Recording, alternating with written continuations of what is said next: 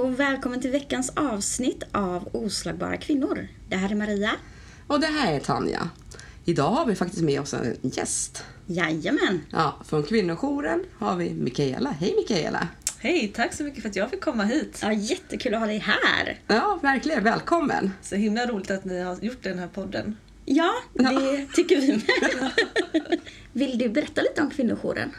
Eh, Eh, vi är en eh, ideell förening som har funnits i ungefär 35 år eh, och som startades av kvinnliga politiker som gick samman för att de ville förändra samhället för kvinnor och barn. De såg att det fanns massa brister och att kvinnor och barn var utsatta för mäns våld. Ehm, och vi finns kvar än idag och kämpar för samma saker, för samhället. Det går både fram och tillbaka när det gäller kvinnors och barns eh, rättigheter. Eh, mäns våld fortsätter. Eh, män fortsätter att döda kvinnor eh, som de haft en relation med. Eh, så vi jobbar ju väldigt mycket med att eh, stötta kvinnor då som har varit utsatta men också att liksom, förebygga. Att vara ute och föreläsa om de här ämnena och försöka öka kunskapen eh, hos eh, ja, men myndigheter och politiker och eh, enskilda. Ehm, ja, och vi är ju en eh, separatistisk förening så det innebär att vi som eh, är med i föreningen eh, bara måste identifiera oss som kvinnor. Och det tycker vi är viktigt för att vi vill ge kvinnor en eh, fristad. Eh, Med bara kvinnor liksom. men bara kvinnor, Mm. ja precis. Och barn. och barn, ja. Ja, Mm. absolut. Eh, Även husdjur hos er. Ja, men så är det ju. Vi, sedan några år tillbaka så eh, har vi möjligheten att eh, ha även husdjur boende hos oss. Eh, och, Det är ju helt fantastiskt. ja, för det vet man ju enligt forskning att 65% av alla kvinnor som är utsatta för mäns våld mot kvinnor har ju husdjur. Så det är ju en viktig eh, alltså del för att få kvinnor att liksom, ta steget att lämna, att de kan ta med sig sina husdjur. Precis. Så även för barnens skull, för, för många barn som är våldsutsatta så är ju husdjuren eh, väldigt, väldigt viktiga. Betydelsefulla, ja. Jag hade definitivt inte lämnat om inte jag hade fått ta med mig mitt, min hund. Nej, Hade jag inte. nej. Nej, och det tror jag att många kan känna igen sig i också. Ja, definitivt. Hur många anställda är ni? Vi är just nu fem anställda. Alla jobbar inte heltid, men eh, vi är fem stycken kvinnor. Vad är skillnaden mellan kvinnojouren och tjejjouren? Eh, ja, precis. Vi har ju en tjejjour eh, också eh, och den riktar sig mer till, eh, till yngre eh, tjejer, alltså kanske upp till 30 år. Eh, de har ju också en chatt, det har ju inte vi på kvinnojouren. Och dit är det ju tjejer som vänder sig med väldigt mycket olika frågor. Det är ju mycket våld såklart också, men de vänder sig också med andra frågor som till exempel eh, ja, men psykisk ohälsa, eh, ensamhet, eh, mobbning i skolan. Eh, så där är det mer blandade frågor så att där behöver man ha en ännu bredare kompetens eh, för, ja, för att kunna möta det som eh, de stödsökande tjejerna. Ja, det blir mer en, en bred hjälp för unga tjejer kan man säga. Ja, Ja. precis. Men också mycket fokus på alltså, att de är utsatta för våld kanske av en pojkvän eller eh, att de har, det har hänt någonting på en fest eller det har hänt någonting på skolan eh, av en annan pojke där. Just det. Vi pratade ju om det där, eller du nämnde chatten där förut. Varför finns det inte en chatt för kvinnor? Eh, Just vi på vår kvinnojour har inte eh, startat någon chatt men eh, det finns via vår riksorganisation ROX så finns det andra kvinnojourer som är med eh, i samma riksorganisation som eh, har chatt. Så det finns eh, men är inte lika utbrett som hos tjejjourerna. Nej, unga brukar ju kommunicera oftast digitalt mer än vad vi äldre gör egentligen. Ja men precis, samtidigt som att vi tror ju att det är också ett bra sätt för kvinnor att kunna ta kontakt. Så att, kanske i framtiden men inte just nu. Ja.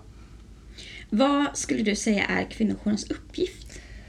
Det som jag ser som min främsta uppgift är ju att göra kvinnors röster hörda i samhället. Jag möter ju så otroligt många kvinnor eh, och samlar ju på mig deras röster eh, och vet ju vad eh, många kvinnor eh, behöver för stöd och det ser jag som en jätteviktig uppgift att liksom föra ut i, eh, hos alla som möter de här kvinnorna. Eh, för att man ska ge ett gott bemötande för att det är så avgörande om man dels ens vågar ta steget att berätta men också hur, hur man mår eh, alltså under processen. Alltså får man ett, rätt, ett bra bemötande så kan ju liksom återhämtningen från det man har upplevt gå så mycket snabbare. Verkligen. Och bemötandet är ju nästan allt. Ja. Plus att det är du som känner kvinnorna. Det är du som vet hur kvinnorna mår. Det har ju inte myndigheterna en aning om egentligen om man säger så. Nej, jag kan ju spendera väldigt mycket tid med en kvinna vilket jag tycker är fantastiskt att jag får göra. Eh, så man lär känna varandra på ett annat sätt. Eh, kanske än vad man gör om man går en timme här eller där till eh, någon myndighet. Någon myndighet. Mm. Ja. Men sen också såklart en stor uppgift är ju att liksom stötta kvinnorna i sina processer. Att liksom göra, göra det som hon önskar, alltså följa med på olika besök. Ja, prata om det som hon behöver. Nu när vi är inne och pratar om det, så vilka insatser erbjuder ni? Du nämnde ju lite några där, att ni följer med och mm, vad har ni mer för någonting? Ja, men vi har ju mycket stödsamtal då, dels eh, på plats eh, men även eh, via telefon och även per mail. Och för det finns nog lite eh, en förutfattad mening att man kanske måste bo på kvinnojouren för att få samtalskontakt, men så är det ju inte. Nej, precis. Vi har ju väldigt många kvinnor som eh, ringer till oss eh, som inte bor hos oss, som bara liksom undrar. Eh, en del bara undrar, ja men det jag är med om, är det, är det liksom okej okay, eller är det våld? Eh, så det är mer, eh, en del behöver liksom bara få bekräftelse på att, ja, men, att det jag lever i inte är okej. Okay. Eh, Medan andra kanske redan har lämnat som ringer till oss och kanske är i, alltså att det blir väldigt tufft också även efteråt. Det blir mycket eftervåld som vi brukar säga. Eh, att det blir tufft i de här processerna kanske i, om man har barn tillsammans så kanske man hamnar i tingsrätten för en vårdnadstvist, att det, då behöver man stöd i den processen. Förklara lite eftervålden, för alla vet ju inte vad det är för någonting. Nej, eh, idag, eh, alltså för många kvinnor som lämnar eh, en sån här våldsam man eh, så tar ju våldet inte alltid slut bara för att man lämnar liksom fysiskt. Eh, utan det kan ju vara att man på olika sätt försöker liksom fortsätta förstöra för kvinnan. Eh, det kan ju vara att man söker upp henne på arbetsplatsen eller att man liksom eh, Eh, skickar hotfulla sms. Eh, det kan vara att man eh, alltså hos olika myndigheter pratar ner om kvinnan, säger att hon ljuger, alltså försöker göra det liksom svårt för henne att ta sig vidare eller till exempel att man vägrar att sälja ens gemensamma hus. Man vill, köper inte heller ut kvinnan utan hon får fortsätta men då betala delvis för huset och det blir också svårt att komma vidare. Alltså det blir svårt att ha råd med en eh, lägenhet. Binder upp henne på olika sätt. Ja, precis. Alltså eftervåld kan vara väldigt mycket. Ja, och det pratas ju inte så mycket om det. Nej. Utan jag brukar säga att det man levde i, våldsrelationen, var ju ett helvete. Men när man lämnade så började ett nytt helvete. Mm. Precis. Man är ju fri, men man är ändå inte fri. Nej, det är man verkligen inte. Så det är en lång process fortfarande efter det. Ja. Men ni har ju även ideella som hjälper er. Mm, precis. Vi är ju en ideell förening eh, och i vår förening så är vi ungefär en 50-60 eh, medlemmar. Eh, och Oj! Det, mm.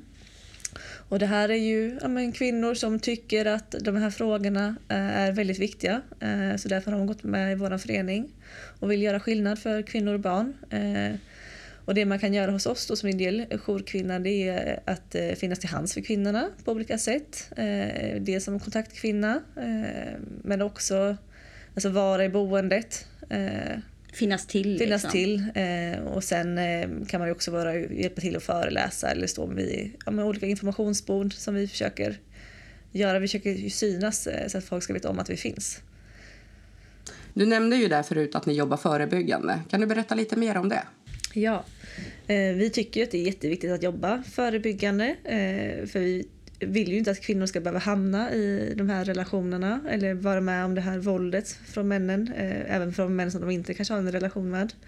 Eh, så vi försöker ju att alltså, jobba, men dels eh, påverka liksom, eh, politikerna som ska driva liksom, våra frågor för att liksom, ja, få till bra lagändringar. Men sen är vi också ute och jobbar mycket mer på lokal nivå för att alltså, ute och föreläser och, om vad våld är för någonting. för att man ska själv förstå att ja, men det jag lever i är våld och vad som är liksom, en bra relation eller inte och försöka jobba mycket med alltså, människors liksom, normer kring de här frågorna. Till exempel sexuella trakasserier är ju någonting som vi pratar mycket om med eh, alltså, ungdomar. Eh, för att man ska förstå att det inte är okej, okay, liksom, eh, vissa saker som man kanske ja, kanske är okej okay i vissa gäng, liksom, att man skämtar, drar mycket sex, sexistiska skämt och sådana grejer. Att eh, det kan ju vara början till någonting annat. Eh, att man behöver liksom, jobba mycket med normer och hur vi är mot varandra.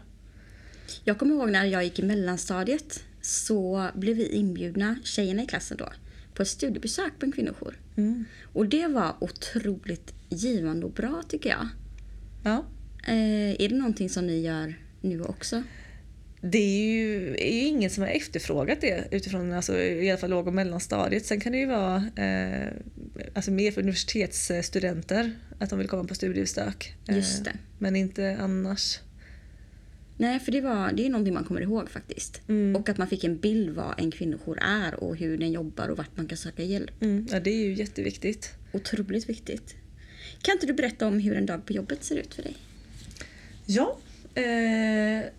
En hektisk dag. En hektisk dag. Ja, en mardrömsdag. det man tänker kanske är en mardrömsdag är ju för oss en eh, väldigt bra dag. För vi, det är ju när många liksom tar kontakt med oss och det kanske är någon som kommer och vi behöver liksom flytta in till oss. för vi vet ju att eh, även om ingen skulle ringa till oss eller ingen skulle bo hos oss så är ju... Fortgår våldet liksom. Så fortgår våldet. Eh, så vi är ju eh, glada eh, när kvinnor tar kontakt med oss och vill liksom prata om det här. Eh, men det kan ju vara att det ringer liksom eh, en kvinna som behöver hjälp eh, och då är vi ju där liksom och kör igång. Vi säger välkommen till oss. Eh, och så har man barn med så måste vi ju ta kontakt med socialtjänsten. Att vi får inte ha några barn boende hos oss eh, eh, på det skyddade boendet om inte socialtjänsten vet om att de finns hos oss. Och det är ju för att de har ju skyldighet att, eh, att hjälpa de här barnen. Så det är ju därför som vi behöver ta den kontakten. Men eh, sen kan det ju vara, alltså det kan ju vara någon kvinna som inte mår så bra, liksom, eh, det har hänt någonting nytt eh, och man behöver liksom akut åka till henne. Eh, det, kan, det, kan, det kan vara så himla mycket, det är så svårt att liksom... Eh, det skiljer sig så mycket åt också beroende på vilken kvinna det är man möter. Men det kan också gå väldigt fort. Det kan gå väldigt fort. Alltså det, ju, det kan ju räcka att en kvinna ringer och liksom kanske bara vill rådfråga. Eh, och sen så tycker vi kanske att men, fast du behöver liksom komma därifrån. Och så tycker hon också att jo men det vill jag. Och då är det ju väldigt mycket som liksom ska planeras på väldigt kort tid. Ja, att de flyttar in kanske samma dag. Ja, och det kan ju mm. vara så att kvinnan kanske inte har någonting med sig då. Hon kanske ringer från sitt jobb eh, och ska inte hem liksom emellan då utan får komma direkt till oss. Så blir det att man ska skapa, eller köpa kläder, liksom köpa allt det som hon behöver och visa runt på boendet så att hon ska känna sig liksom trygg där. Och, ja, det kan bli väldigt mycket. Ja, för det är ju också någonting som vi försöker belysa det här med att lämna allt. Jag kommer ju bara med en ryggsäck mm. när jag lämnade och då, jag ringde ju bara rådfråga kvinnojouren mm. hur jag skulle göra och mm. fick bekräftat att jag skulle lämna. Det kom som en chock. Ja, och så är det ju för många kvinnor att de inte kommer med eh, någonting egentligen. Eh, en del eh, kan man ju liksom planera att de kan packa, liksom få med sig medan han är på, till exempel man är på jobbet eller sådär. Men för många kvinnor så är det ju att man kommer utan någonting. Ja, akut skede liksom. Ja. Mm. Eh, största myterna med, om kvinnojourerna då? Ja, men det kan ju vara till exempel att vi är manshatare, vi som jobbar där och vi som är med i föreningen. Men det är vi ju. ja. Nej, verkligen Nej. inte. Nej, alltså vi, det är vi ju inte. Men jag är själv är ju gift med en man. Liksom, så det, det handlar ju inte alls om det. Det är som vi Liksom, vi jobbar ju mot mäns våld mot kvinnor och det är klart att vi inte tycker om eh, de männen som utövar våld. Så är det ju. Men det är en jäkla skillnad. Det är en stor skillnad för mm. det är mm. inte alla män men det, det, är ganska, det finns ju, alltså vi möter ju många kvinnor så det är klart att det är många män också. Då. Om man drar den slutsatsen. Precis. Om vi går in lite mer på dig, vad har du för utbildning? Eh, ja, men just jag är ju socionom eh, men har också gått en studiecirkel via kvinnojouren. Eh, sen eh, har jag också gått väldigt många utbildningar medan jag har varit med i föreningen. Eh, som har varit som är specifikt kring liksom, det här ämnet. Eh, vilket har gett mig egentligen kanske mer än själva socionomutbildningen. och för att jobba hos oss eller vara med i föreningen så behöver man ju inga liksom, specifik utbildning utan man behöver ju ha gått våran egna studiecirkel och gå utbildningar som är via oss eller liksom andra. Interna liksom. Interna. Eh, för jag vet ju liksom under socionomutbildningen det är inte mycket eh, utbildning kring just mäns våld mot kvinnor utan eh, det var ju också därför som jag gick med i föreningen under min studietid. Eh, för att jag ville lära mig mer om just det här ämnet. För jag, jag vet ju själv att det är ett stort problem i samhället. För jag har ju själv liksom upplevt det som barn. Mm. Eh, så att jag tyckte det var, för mig var det jätteviktigt att gå med i kvinnojouren. Så parallellt med att du pluggade så gick du med i föreningen också? Mm, precis. Hur länge har du jobbat och vad fick dig att börja? Jag gick med i föreningen 2014. Ja, men dels då för att jag gick socionomutbildningen och kände att eh, man får inte alls till sig eh, om just det här ämnet eh, som jag tycker är jätteviktigt och också en stor anledning till att jag eh, utbildade mig till socionom. För mitt mål var ju att eh, jobba med vårdnadsutredningar. Eh, för det var någonting som jag om upplevde som barn att där blev det inte alls bra för mig hos familjerätten och tingsrätten med de utredningarna där. Det var liksom inte, de, de hjälpte inte mig som barn. Så därför var det någonting som jag ville jobba med. Ehm, men jag upplevde inte att jag fick den kunskapen som jag behövde på utbildningen utan jag ville skaffa mig den då. Och ehm, sökte dig vidare? Liksom. Och sökte mig vidare. Mm. Mm. Är det lätt att ta med sig jobbet hem? Ja, absolut. Det är det. Ehm, och jag tänker att det, så, så är det. Och det, det är okej okay för mig. Jag tänker att det är väl ofta så när man jobbar med människor också. Ja. Det är ju inte bara att stänga av en dator. Nej, precis. Utan man måste ju bearbeta allt man upplever också. Ja, precis. Jag har en sista fråga här alltså, om det här med kvinnojouren. Vad är det bästa med jobbet? Oj, alltså det bästa är ju att möta kvinnorna och barnen. Eh... Inte husdjuren då? Jo, absolut. Ja, alltså husdjuren är ju nummer ett. Eh, nej, skämt åsido. Men absolut är det att träffa kvinnorna och barnen, att få följa med på eh, deras eh, resa som kan verkligen vara en berg och dalbana men att alltid alltså, få finnas där vid sidan av är ju fantastiskt. För jag som står vid sidan av och har mött så många kvinnor vet ju att det oftast blir väldigt bra i slutändan men under tiden för kvinnorna tills de blir helt fria eh, från våldet kan ju vara en väldigt lång resa och väldigt tuff. Med många ljusglimtar också såklart. Eh, så det är fantastiskt att få stå bredvid och se den resan tycker jag. Och det kan jag förstå. Mm. Det här med fredagsutredning, vad är det? Mm. Eh, när kvinnorna kommer till oss, eh, om de kommer via socialtjänsten till exempel, så har ju många fått göra en sån fredag farlighetsbedömning. Och det är ett eh, standardiserat dokument som eh, Socialstyrelsen har eh, tagit fram eh, med olika frågor som handlar om eh, våld. Eh, det, det, är olika alltså dokument som ska hjälpa eh, socialsekreteraren eh, främst att liksom förstå vad det är kvinnan går igenom och för att kunna göra en eh, säkerhetsbedömning, vad man behöver för insats.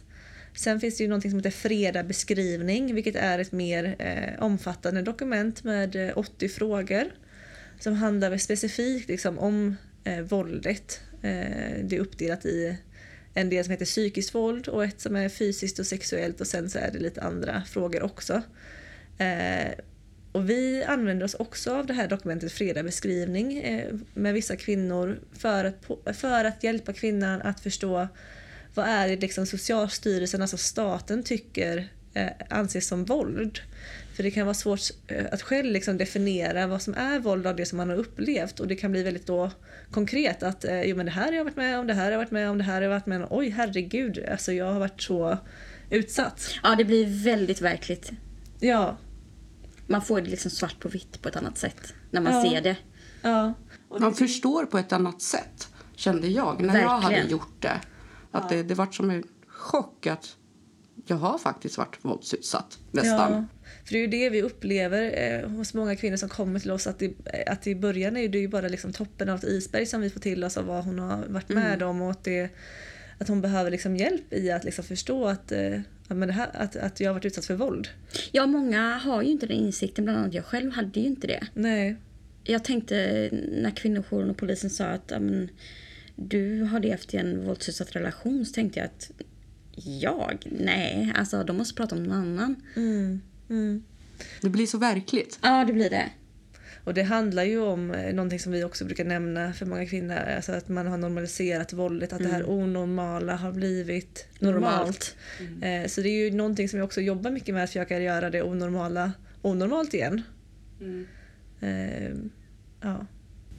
Finns det en gemensam nämnare bland dessa kvinnor som kommer till kvinnojouren? Eh, Jag skulle säga att en eh, gemensamma nämnare som jag kan se är att man är kvinna. Det är det enda. Ja, och många kvinnor kanske också har mycket empati. Eh, att de bryr sig om andra människor. Eh, mycket att det är, Men annars så ser Varför jag tror inte du att det är så? att man har empati. Mm. De här kvinnorna just liksom. Ja, men jag tror att eh, ja, men, kvinnor med mycket empati eh, är ju också, eh, vill ju också gärna att den andra personen som är tillsammans med ska liksom, eh, må bra och liksom, ha det bra. Att då det är lätt för män att utnyttja det. Just det.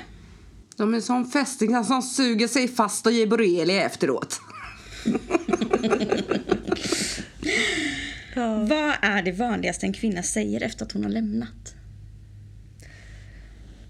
Eh, jag menar liksom precis när hon kommer till oss eller... Eh, Ja, i liksom början. Men de flesta kvinnor är ju alltså, väldigt osäkra på sin eh, berättelse. Eh, och det beror ju på att många av de här männen har sagt till kvinnor att ingen kommer tro på dig. Och, men också för att man har liksom normaliserat det här våldet och ser det inte för vad det är. Eh, så att många säger kanske att ja, men, ja, det känns som att jag tar plats för någon annan. Jag, jag vet att många har haft det mycket värre än vad jag har haft det och sådär. Eh, så det är väl det många säger. Just det. Kan du berätta lite skillnaden mellan barnfamiljer och ensamstående som kommer? Vad, hur hjälpen ser ut och hur måendet framför allt ser ut på dessa? Oj, ja det var en svår fråga. Ehm, alltså när det är barn med så blir det ju lite annorlunda för då är det ju dels flera personer men det är också ehm, ja, men dels då att socialtjänsten måste bli inkopplad. Ehm, och alltså som ensam kvinna kanske man tycker att man inte har, på samma sätt har rätt till det här stödet fast man egentligen har det för att men barnen är ju barnfamiljen måste ju alltså få den här hjälpen först och främst. Liksom och sådär. Men eh, alltså, alltså, som ensamstående kvinna är man ju minst lika viktig och behöver ju absolut samma stöd från en kvinnojour som en kvinna som har barn. Jag kommer ihåg att jag hade dåligt samvete när jag kom till kvinnojour att jag tog upp en plats Ja, många gånger. Ja, och vi på kvinnojouren vill ju att man ska komma även om man inte har några barn. Ja. För att vi förstår att man går igenom liksom liknande saker eh, i alla fall. Sen kanske man inte blir bunden till varandra efteråt för att man inte har gemensamma barn men man behöver ju fortfarande samma stöd för att liksom, ta sig ur eh, relationen. Mm. Men hur ser hjälpen ut för mammorna? För jag tänker som ensamstående så kan ju jag jobba fortare med mitt eh, trauma med den här mannen. Men mammorna har ju inte samma... För att de har ju barnen så de måste ju stänga av på ett annat sätt. Jo men precis, det, ju, det ser ju vi också ganska ofta att eh, man sätter ju barnens liksom, behov eh, eh, främst. Och att man hinner liksom inte fokusera på sig själv utan det blir Nu kanske... tittar du väldigt mycket på mig. det kanske blir jo, men det var faktiskt Tanja som berättade det här för mig. Ja, men att det blir liksom att man stänger av eh, Ja. sitt egna eh, fast man egentligen behöver plocka fram det som man själv har gått igenom. Och, och liksom Man håller masken. man håller masken och det gör ju lite att man går sönder inombords. Eh, och det hjälper ju egentligen ingen. Nej, och jag tror att det kanske också förlänger ju processen väldigt mycket. För att man har inte den möjligheten att bearbeta det lika fort. Eller fort gör man ju inte, men alltså bearbeta det på samma sätt kanske som någon som bara har sig själv. Att kunna liksom varje dag eh, få må skit. Ja, och det ser vi speciellt skulle jag säga med, med eh, men, mammor som har väldigt små barn. Att där är det ännu mer så att man håller liksom masken, man håller ihop sig och Kör på liksom. man kör på. Och det, alltså, man- jag kan förstå det. Eh, Men det kommer ju komma i kappen eller man kommer bli påverkad ändå under tiden. eh, Även när man liksom försöker liksom stänga ute eh, det jobbiga. Vad har ni för hjälp till dessa mammor då? Hur hjälper ni dem alltså att kunna ta fram det? Alltså vi försöker ju skapa utrymme för mamman att eh, prata genom att eh, till exempel en av kollegorna tar, eh, har barnen, passar barnen eller pratar med barnen också samtidigt. Eh, så vi försöker ge liksom, utrymmet för mamman och hoppas att hon liksom ger sig själv möjligheten att ta det. Men det är ju inte alltid, och det förstår vi också, att, allting har sin tid. Eh, så får det vara ibland också. Att, eh, det är så mycket praktiskt runt omkring barnen när man kommer till oss. Eh, att man kanske får avvakta lite med Mm. ibland då själva stödsamtalet till mamman. Hur mår barnen som kommer? Och vilket stöd kan ni ge dem? Det är också väldigt olika hur barnen mår. Eh, en del eh, är ju väldigt, liksom, eller många barn är ju väldigt lojala med båda sina föräldrar. Eh, och kan ju, en del kan ju tycka att det är jobbigt att komma till oss, att liksom inte mamma och pappa ska bo med varandra längre. Eh, och då får man ju prata med barnen liksom om det. Eh, och, ehm, om varför mamma och pappa liksom inte ska bo med varandra. Ehm, sen så har vi ju någonting som heter trappansamtal eh, som vi nyligen har kunnat börja erbjuda barn. Eh, vilket vi tycker är jätteroligt. Eh, och det är ju mer en liksom, strukturerade form av samtal kring barn som upplevt våld. Ehm, Lite traumbehandling på Ja. barnnivå kan man säga. Ja men precis. Sen så handlar det mycket alltså för barnen att informera om alltså deras rättigheter. Eh, att hjälpa dem att sätta ord på alltså sin upplevelse av det de varit med om. Men sen också stötta mamman i alltså vad hon kan säga till barnen för att hjälpa dem. Och också, alltså, ibland så är det ju så att det kanske alltså, att det har påverkat ens föräldraförmåga också och då får vi liksom stötta, stötta till liksom där att liksom skapa nya positiva eh, erfarenheter för mammorna och barnen tillsammans. Just det. Eh, Det måste vara oerhört viktigt. ja, absolut. Och sen så är det alltså mer så enkla grejer att ja, men nu ska vi åka till eh, ja, något tivoli eller vi ska åka till någon djurpark och liksom, eller simhall tillsammans och så bara liksom skapa nya positiva minnen. Ja, men det är ju jättebra. Mm. Då barnen får känna sig lite normala ändå när, fast de bor på kvinnojour. Ja, Så att säga. ja men precis. Och det handlar ju om att snabbt få in dem i skola och förskola och sådär så att de får den här eh, normala tillvaron. Jag tänker bara det kan ju vara ett trauma för barnen att få ryckas upp och byta skola och förskola och liksom en helt ny stad. Mm, mm. Så det får vi ju prata mycket med barnen om. Ja. Men Samtidigt också- som barn är så otroligt anpassningsbara. De är fantastiska på det sättet. Ja men de är ju det och det är ju på gott och ont att de är så anpassningsbara för det gör, alltså, får de inte heller då hjälp med att sätta ord på det som kanske inte är så bra så, eh, så anpassar de ju sig bara och, och lever i det utan att någon vet om det. Mm.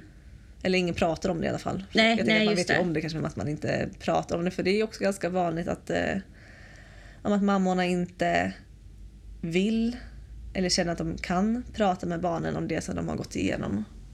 Och då är barnen lite rädda att ta upp det också. Med, Ja men precis, så det blir ju den här liksom, tystnadskulturen. Mm. Det finns väl ett stigma runt det att man inte ska liksom prata med barnen om det jobbiga egentligen. Precis. Eh, och det hjälper ju inte. Alltså det blir, och det är, så är det ju även mellan syskon att de inte pratar om det de har upplevt. Även om de liksom har varit i samma rum så är det ingenting man pratar om. Och så det är ju viktigt liksom att bryta det här för det, det är ju bara mannen som tjänar på att man inte pratar om det. Hur öppen tycker du man ska vara med barnen? Ja, men jag tycker man kan vara ganska öppen eh, för att hjälpa barnen att förstå. Eh, I alla fall ställa frågor till barnen men också bekräfta barnen. Alltså det, är, det är viktigt att våga prata om det som har varit hemma. Mm. För att alla har ju sett det och hört och känt alltså liknande saker.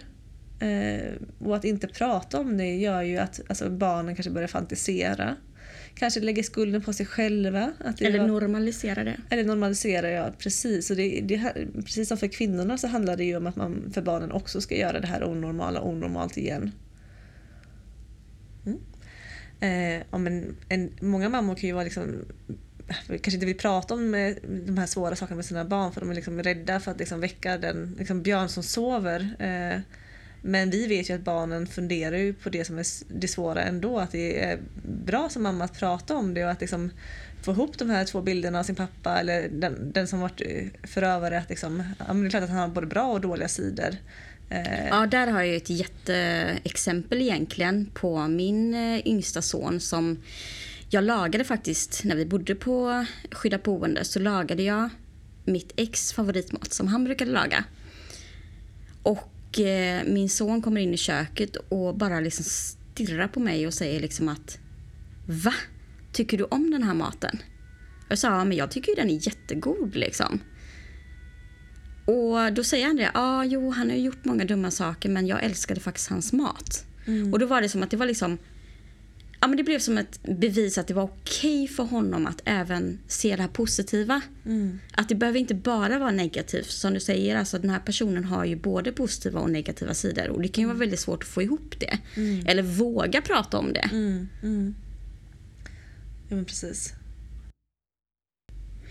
Hur stöttar ni kvinnorna i olika situationer? Till exempel socialtjänsten och liksom olika möten, rättegångar. Mm. Ja, men vi följer ju gärna med kvinnan som, ja, som stöd eh, men också eh, för att liksom, till exempel socialtjänsten att verkligen hålla liv i de frågorna som är viktiga, alltså kring liksom våldet, att det inte ska glömmas bort i några utredningar utan att det ska vara fokus på våld när en kvinna liksom bor på en kvinnojour. Det ska inte vara fokus på samarbete eller liksom att föräldrarna har en konflikt utan det ska, vara, det ska handla om våldet. Och pappans liksom bristande föräldraförmåga för det är ju det det innebär att utöva våld inför sina egna barn. Eller, eh, det är ju att brista som Eh, förälder.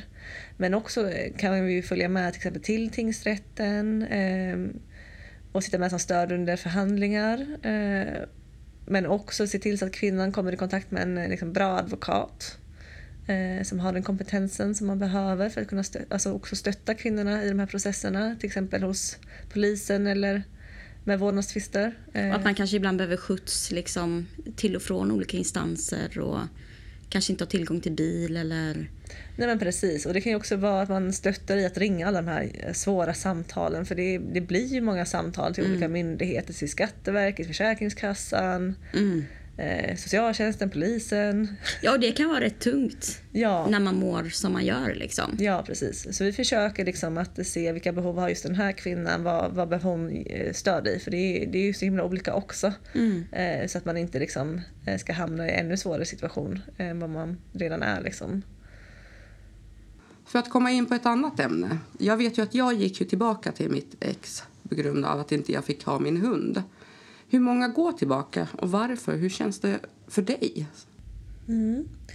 Alltså den forskning som finns eh, kring ämnet visar ju att kvinnor går tillbaka ungefär 5-7 gånger till de här männen innan de lämnar liksom för gott.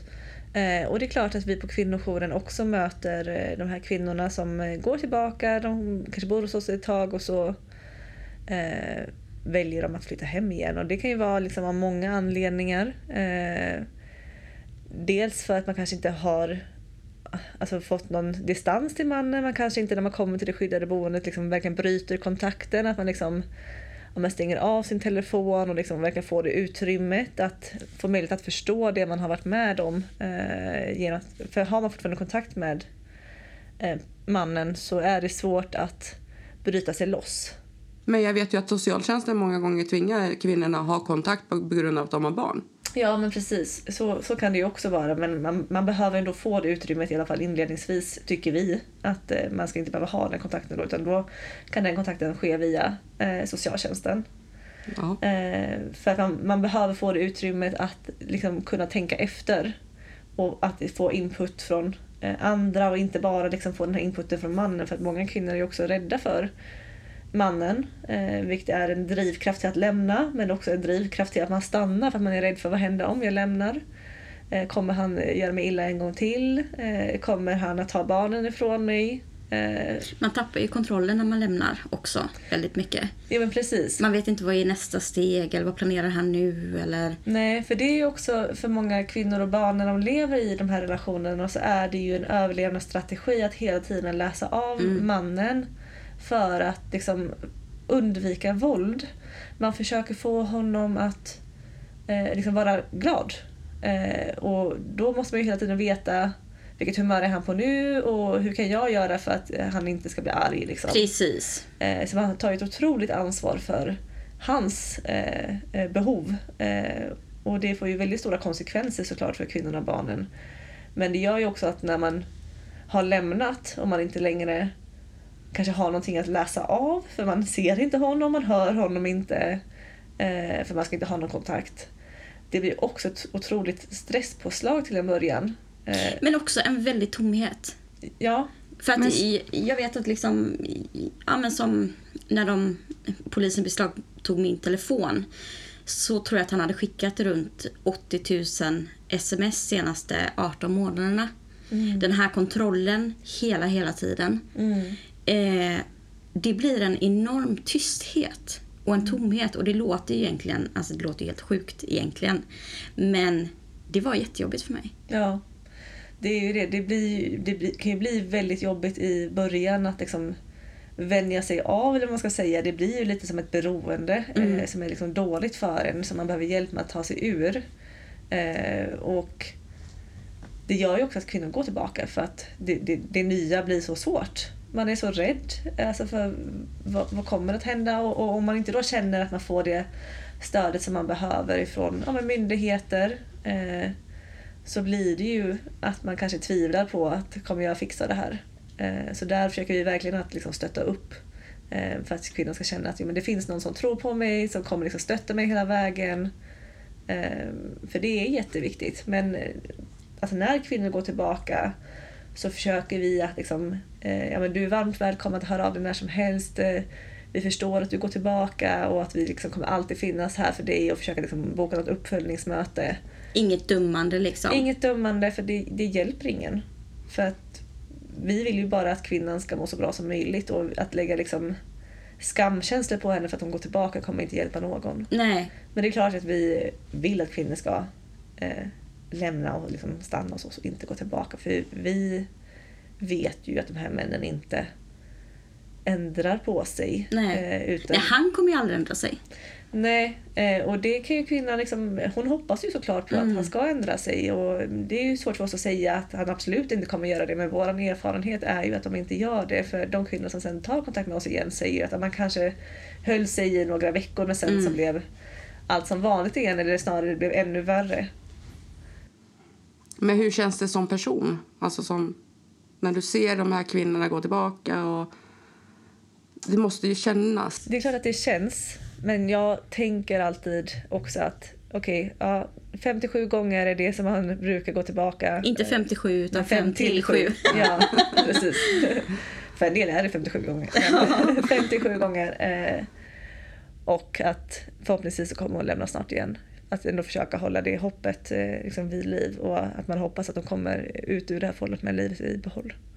Att hon när hon är redo vänder sig till oss igen så att vi kan få finnas vid hennes sida. Följer ni upp kvinnorna? Jag tänker inte bara de som går tillbaka utan även alla kvinnor. Alltså de kvinnorna som vill ha fortsatt kontakt så, eh, så har vi ju gärna det. Eh, Men det är inte så att vi ringer en kvinna efter ett halvår och typ så. Utan för vi har ingen aning vilken situation hon är i, är i då och hon kanske inte heller vill ha kontakt med oss. Så att eh, bara de kvinnorna som vill och hör av sig till oss. Hur viktigt är bemötande med dessa kvinnor? Jag skulle säga att det är liksom eh, skillnaden ibland mellan att man ska lämna eller stanna kvar. Eh, och att liksom komma vidare. Eh, så jag skulle säga att eh, bemötandet är eh, allt. Man kanske inte alltid har rätt kompetens men eh, får man rätt bemötande så kommer man väldigt långt. Det håller jag med om. Ja, definitivt. 100 procent. Mm. Ja, ska vi komma in lite på de här männen eller som Maria skrev på i sitt manus, svinen? Det var faktiskt ett misstag, men eh, eller var det det kanske? jag vet inte. Men kan du berätta de typiska röda flaggorna? Eh, ja, alltså absolut. Eh, vi brukar väl säga att är det för bra för att vara sant så är det det. Eh, det är många kvinnor som beskriver om hur, hur han var så himla fantastisk från början att han aldrig liksom har känt kanske alltså den här kärleken. Eh, så kan det vara. Eh, och att sen kommer de här eh, ja, men beteendena då smygandes. Eh, att han eh, ja, men börjar kanske bli lite kontrollerande eller säger saker som ska du verkligen gå ut i den där tröjan? Eller ska du verkligen träffa henne? Ska du verkligen gå på den här eh, arbetsfesten? Eh, eller att man liksom börjar påpeka att ska du verkligen träffa honom? Alltså om man haft någon killkompis till exempel, att man tycker att men, nu är har du ju mig liksom.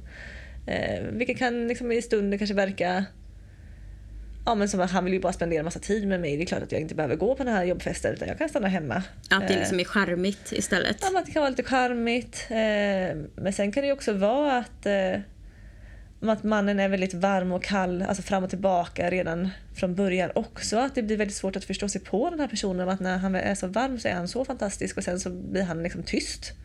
Man får inte liksom någon respons alls. Att man kan bli väldigt förvirrad. Och då är det också svårt att liksom, ja, men, fokusera på sig själv. Vad man själv känner och tycker och tänker när det blir så mycket fokus på att förstå sig på den här andra människan. Att det är lätt att liksom, eh, man, saker och ting passerar för att man inte har fokus på sig själv utan man får mycket fokus på honom. Ehm, Men sen andra röda flaggor kan ju vara att han pratar illa om sitt eh, ex till exempel. Det är ganska vanligt att de här männen säger att eh, Ja, men att de kanske är psykiskt sjuka eller att eh, de har varit otrogna eller liksom, det finns många liksom, anledningar till varför det tog slut som inte liksom, har med honom att göra utan det beror bara på All skuld läggs på henne liksom. Ja, eh, sen andra varningssignaler kan ju vara att han kanske inte har så mycket kompisar.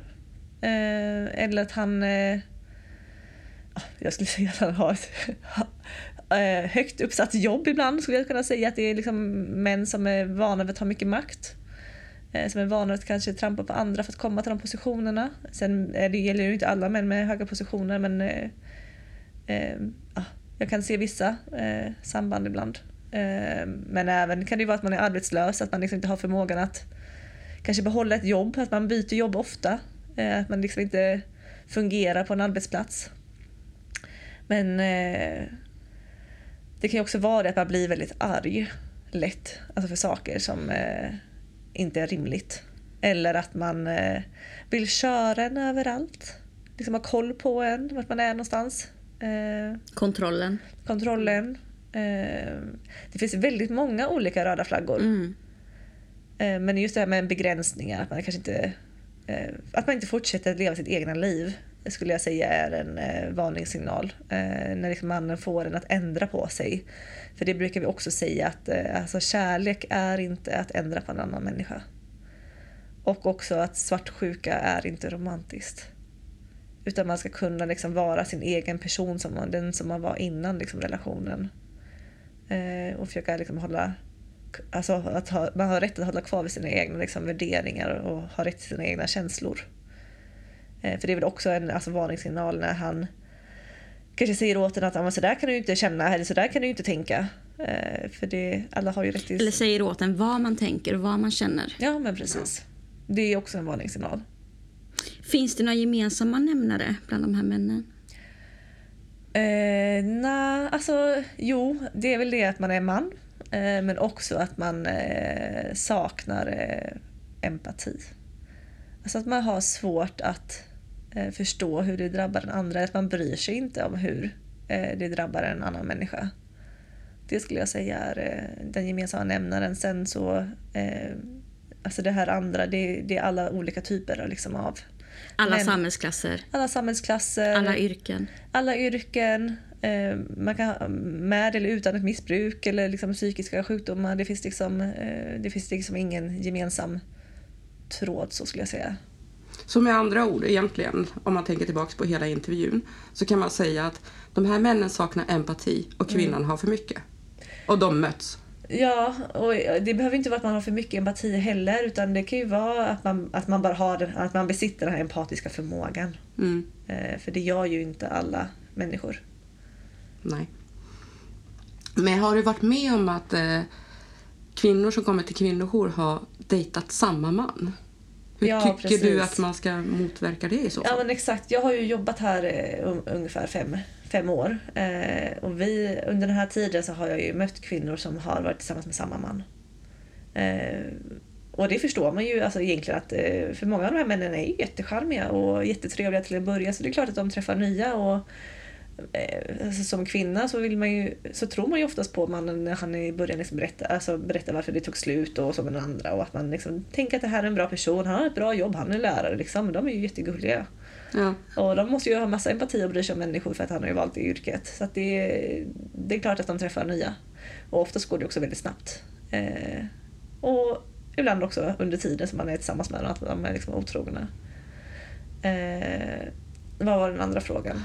Hur tycker du att man ska motverka, skydda de här kvinnorna att inte dejta samma man igen så att inte en tredje kvinna kommer till kvinnojourer? Jo men precis. Alltså idag egentligen så finns det ju inte eh, något skydd utan det är ju om kvinnan väljer att göra en polisanmälan så, kommer det ju, så kan det ju bli en fällande dom och att det syns liksom i ett register. Och att man söker då på honom på nätet så kommer det ju upp.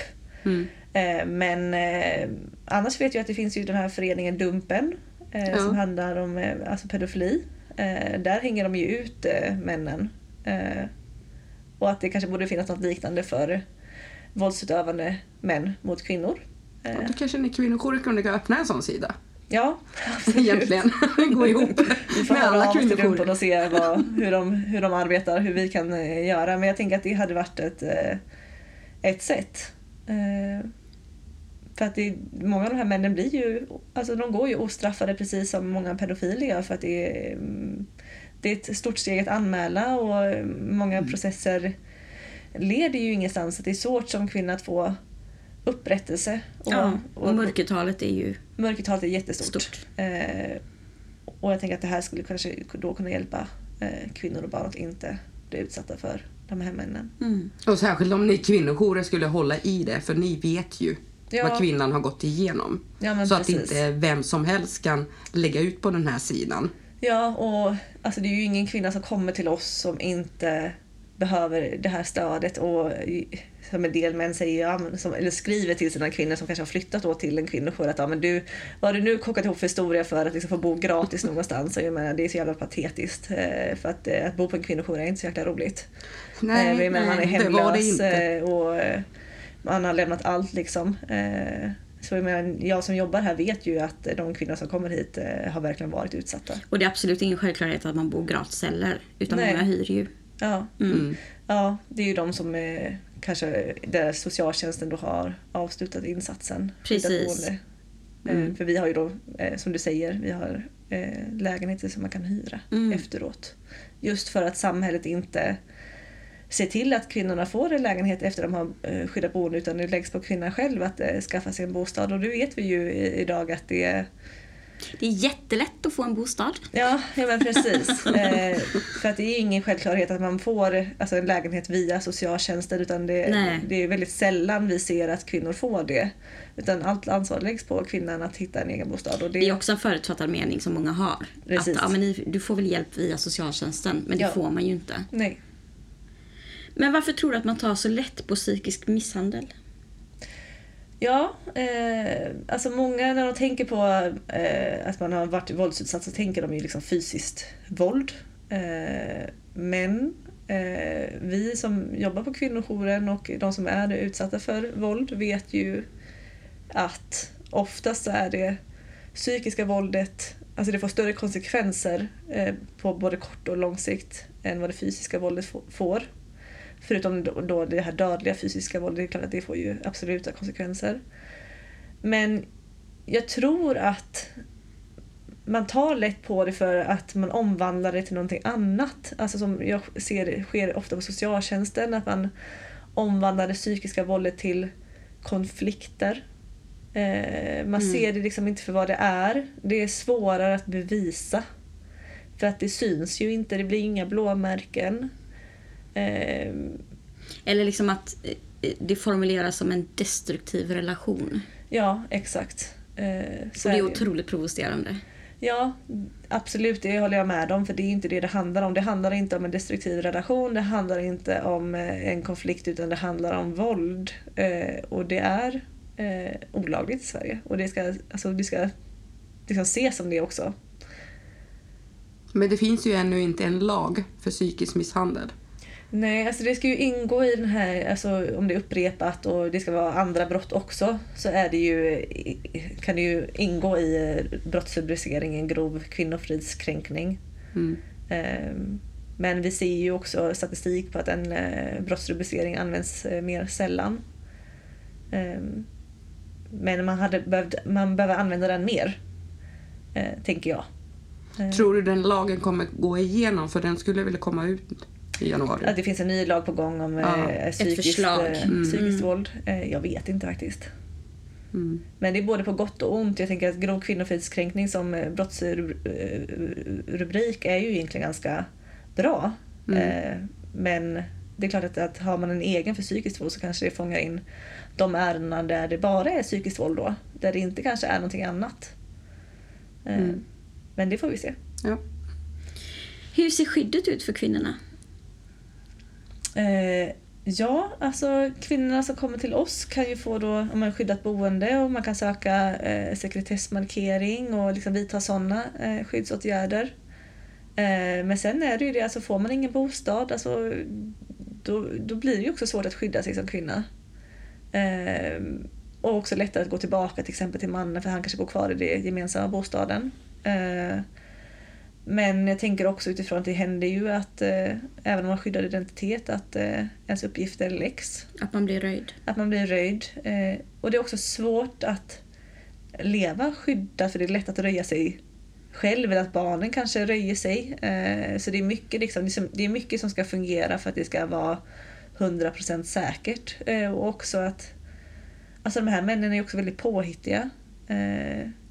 Jag ska ju inte liksom dra några exempel på eh, där männen kanske har hittat kvinnan för att de har varit väldigt påhittiga men det finns, eh, en, en, det finns ju brister liksom i Mm.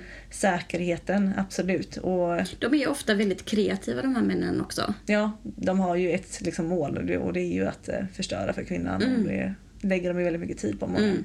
Men också hur det brister i myndigheterna tänker jag. Mm. Det här just med skyddet. Mm. Alltså igår blev jag kontaktad av en eh, man Mm. som bor granne med mig. Mm. Han hade fått min post. Mm. Mm. Okej. Och jag har ju skyddad identitet. Mm. Alltså nu jobbade, den här mannen råkade jobba på en myndighet själv. Mm. Och det var ju redan rama turen. Och han sa ju till mig upprepade gånger att jag hoppas verkligen att du liksom förstår, det är ju bara ord, men jag kommer ju aldrig röja din adress. Mm. Det kom till din gamla granne? Eller till Nej, nej. till den nuvarande grannen. Okej. Och eh, jag tänker att hade det här kommit till fel person Mm. så kunde det fått förödande konsekvenser. Mm. Absolut. Man kan ju till och med få flytta. Mm. Mm. Så är det. Hur ofta hittar de här männen eller dyker upp på kvinnojourer?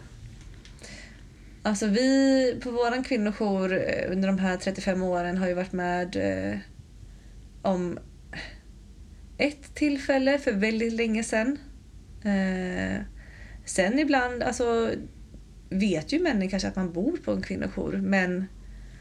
och Kanske inte var. Nej, och vet man var så kommer man ändå inte dit för att våldet sker ju oftast hemma innanför fyra dörrar för man vill ju inte att någon ska se ve- vem man eh, också är, alltså de här dåliga sidorna som man har. För man vet ju någonstans att det är fel, för annars hade det ju det här våldet skett på öppen gata hela tiden. Eller på Eh, ICA? Ja, och det gör det ju inte.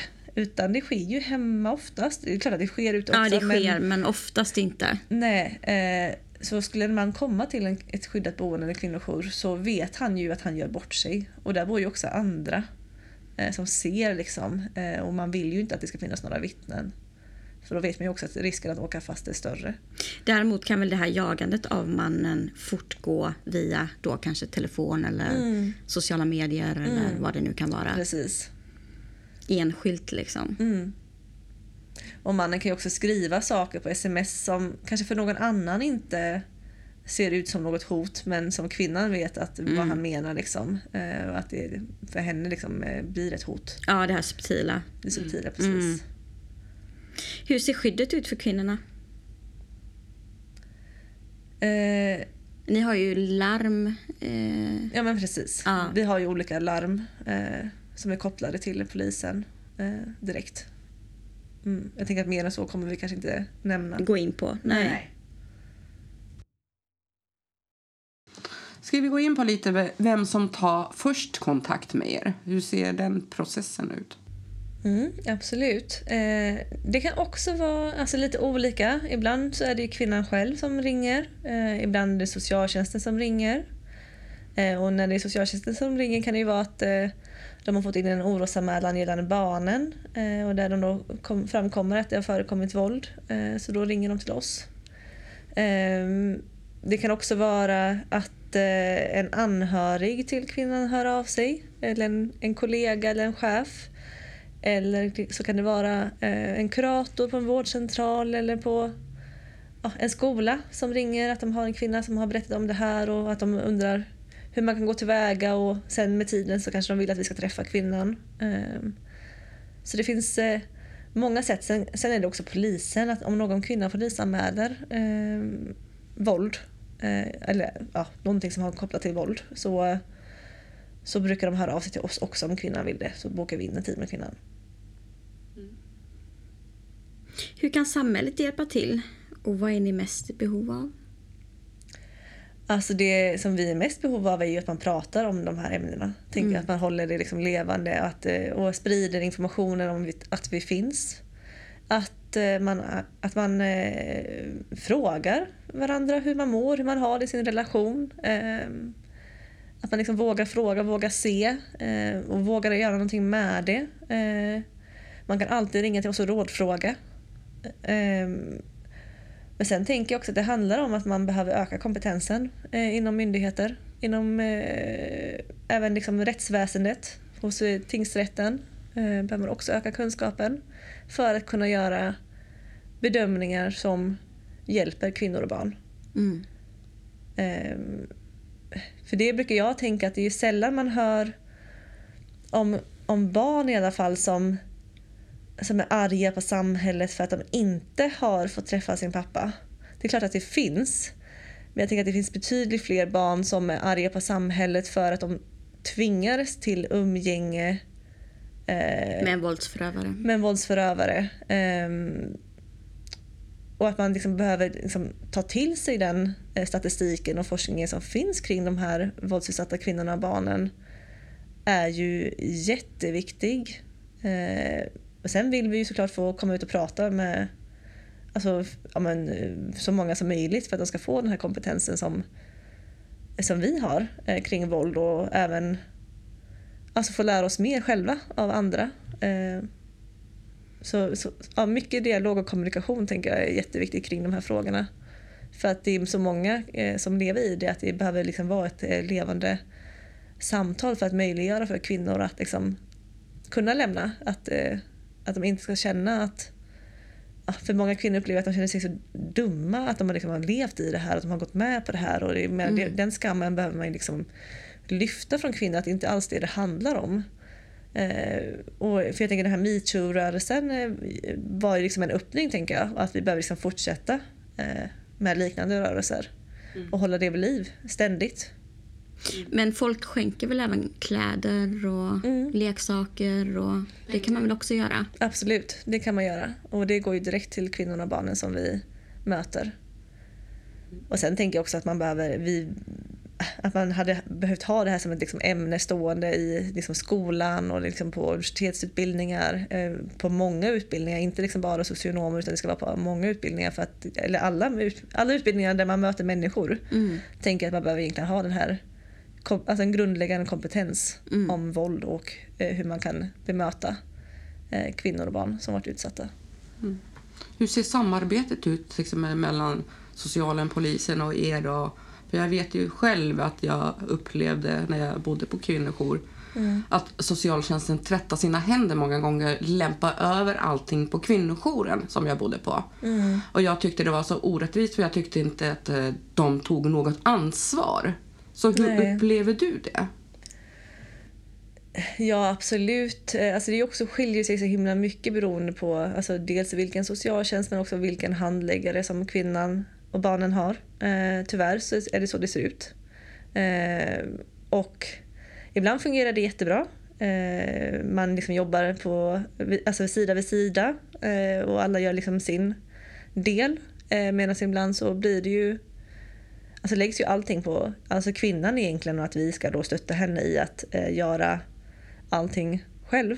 Um, att um, att eh, liksom socialtjänsten eh, hjälper inte till att försöka hjälpa kvinnan i att hitta en permanent boendelösning, vilket egentligen är en del av deras liksom, jobb. För det, det vet ju alla liksom, att bostadsköerna är enorma. Det är jättesvårt att få en bostad plus att en del kvinnor som vi har kontakt med har ju också med skulder, de har eh, skulder hos Kronofogden vilket gör det ännu svårare att eh, få en lägenhet och det är ju på grund av att de har levt i våld, att man har liksom hamnat i eh, ekonomiska eh, problem. Liksom. Eh, så att där behöver vi verkligen hjälpas åt för att man kan inte bo på en liksom, kvinnojour eh, hur länge som helst. Det vore liksom ingen bra av. Eh, utan man behöver få komma vidare till en permanent liksom, bostad.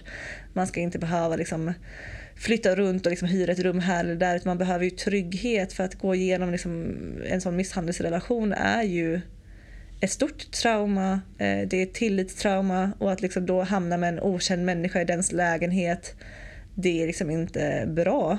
Ehm, så det finns ju mycket att jobba på. Mm.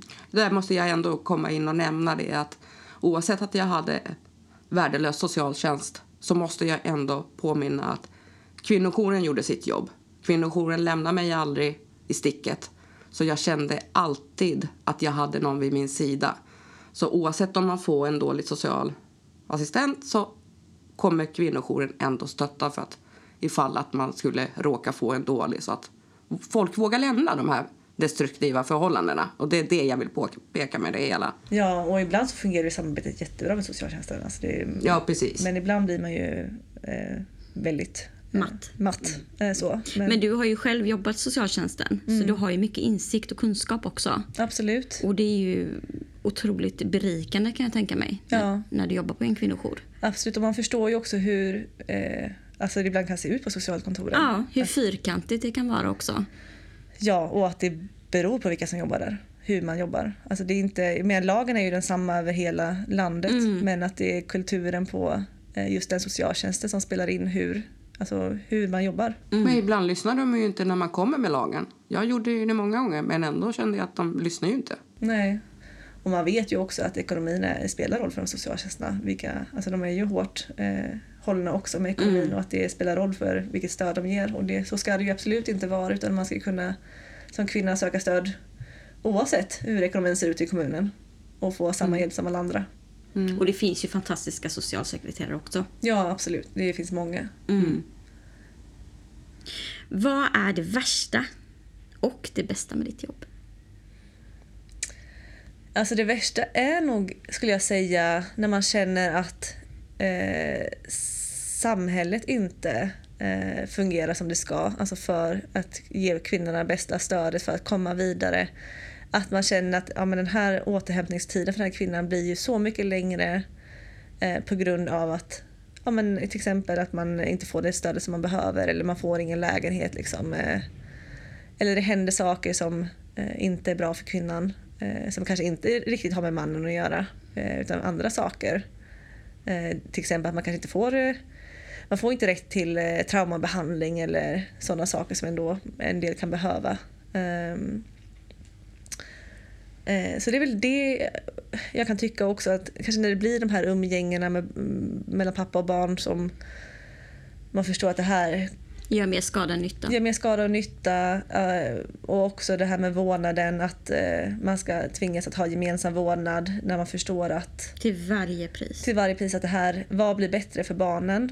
Eh, för att de har det. Och vad skulle liksom bli sämre för barnen om ensam vårdnad, mamman har ensam vårdnad? För många av de här mammorna vill ju att barnen ska ha en relation med sin pappa. Men det, jag tror att det hade varit bättre om mamman inte behövde ha det här samarbetet kring de här andra frågorna för barnen för att då fortsätter han att ha sitt maktövertag över henne och det gynnar ingen. Eh, så, jag, så det, är väl där, det är väl det värsta mm. Eh, skulle jag säga. Eh, men också, alltså det bästa är ju såklart att få följa med på resan för kvinnorna, att se att det går åt rätt håll, att man liksom får ett, ett liv igen. Att man liksom inte bara överlever utan man faktiskt lever ett liv. Det tycker jag är jättefantastiskt men också första gången man ringer tycker jag också är liksom så... Det, det är jätteviktigt. Alltså det, det gör väldigt mycket för mig att få ta de här samtalen. Mm. Tycker du att politikerna, ta, politikerna tar sitt ansvar i den här frågan? Eh, jag känner mig ibland osäker på om politikerna verkligen förstår liksom vad eh, deras liksom, tjänstemän i kommunen gör i de här frågorna. Eh, så där tror jag att man hade behövt jobb, jobba lite mer för jag tror att politikerna många gånger vill väl men att det inte liksom blir så bra i slutändan. Nu ringer jag akuttelefonen igen för vi får Ja. hoppas att dina kollegor svarar.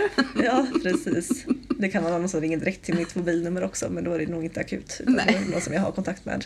Jag ringer upp sen. Ja.